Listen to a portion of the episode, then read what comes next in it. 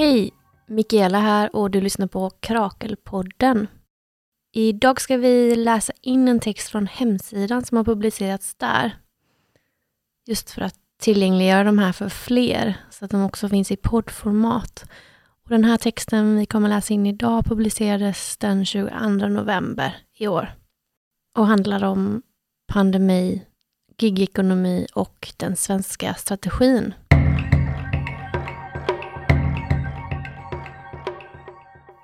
Nu står vi här.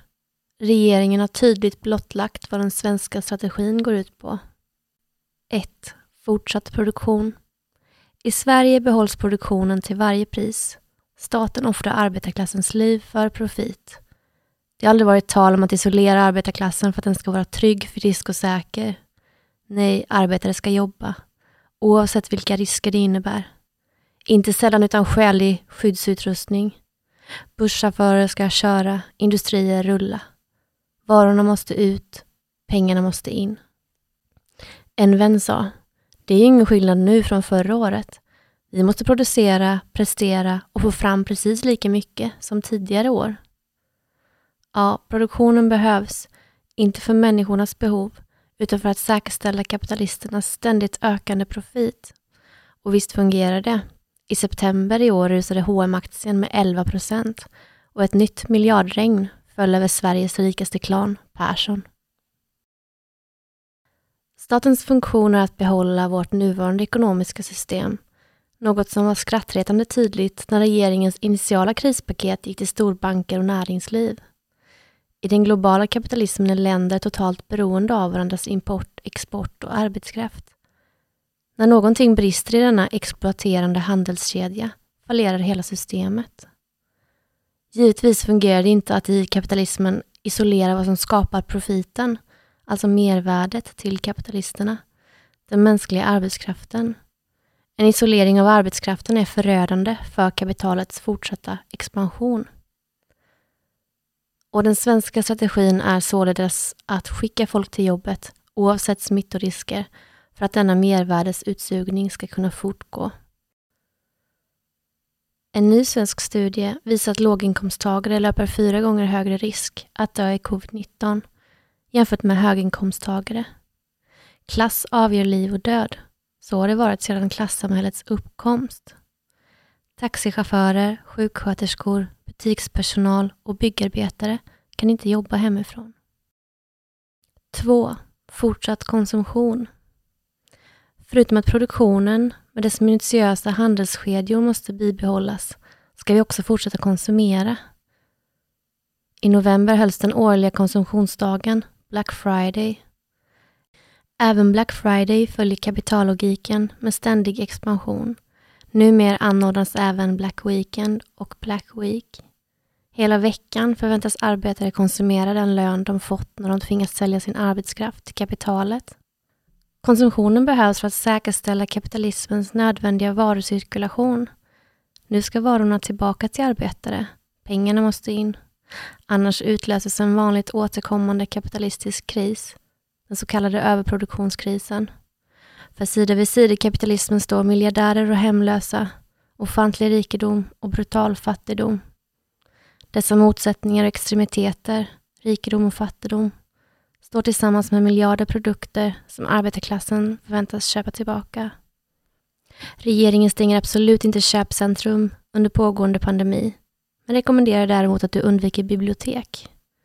147 företag kontrollerar 40 procent av världens rikedom. Den globala monopolkapitalismen kan lita på nationalstaternas samarbete. På köpcentrum trängs arbetare utan skyddskläder med konsumenter.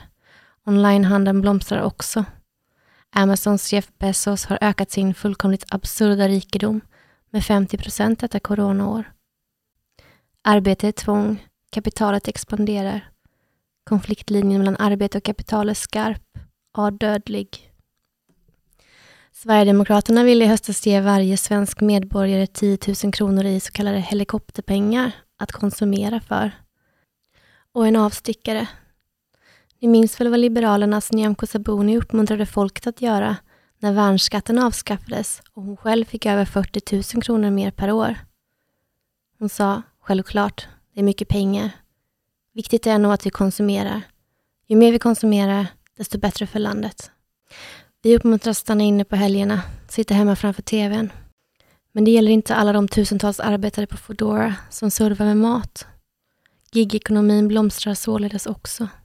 Foodora har fördubblat verksamheten under pandemin. Konstant tillgängliga står gigarbetarna, nästan alla med utländsk bakgrund, runt hörnet med den egna mobilen i handen. Väntar på ett pling. Måste ju få någon lön för att överleva detta ojämlika skitsystem. OECD pekade nyss ut Sverige som sämst av 25 länder på att få ner smittan. Sämst på att få ner smittan, men kanske bäst på att hålla igång varucirkulationen och se till att ägarna får vinster. 3. Sluta leva som en kulturell varelse. Produktion och konsumtion måste säkerställas av staten för att det kapitalistiska produktionssättet ska bibehållas. En isolering av arbetskraften vore oerhört destabiliserande för det sociala ekonomiska systemet. Det skulle dels sätta tillväxtmaskinen i gungning, men framförallt riskera radikalisering av arbetarklassen. Folket kan ju börja ifrågasätta sakernas tillstånd.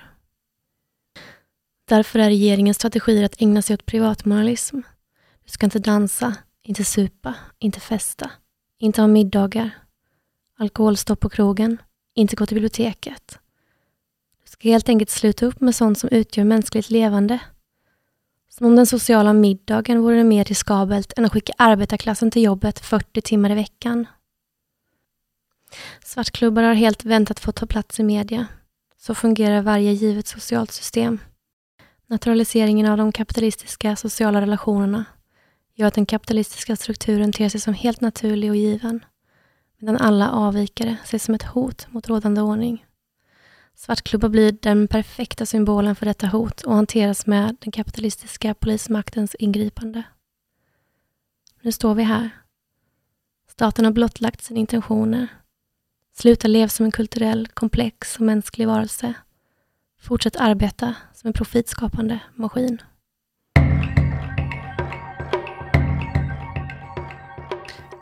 Ja, den här texten är skriven av mig och inte Krakels ställningstagande. Alla våra texter som vi publicerar ligger på vår hemsida krakelkrakel.com. Tack för att ni lyssnade. Vi hörs!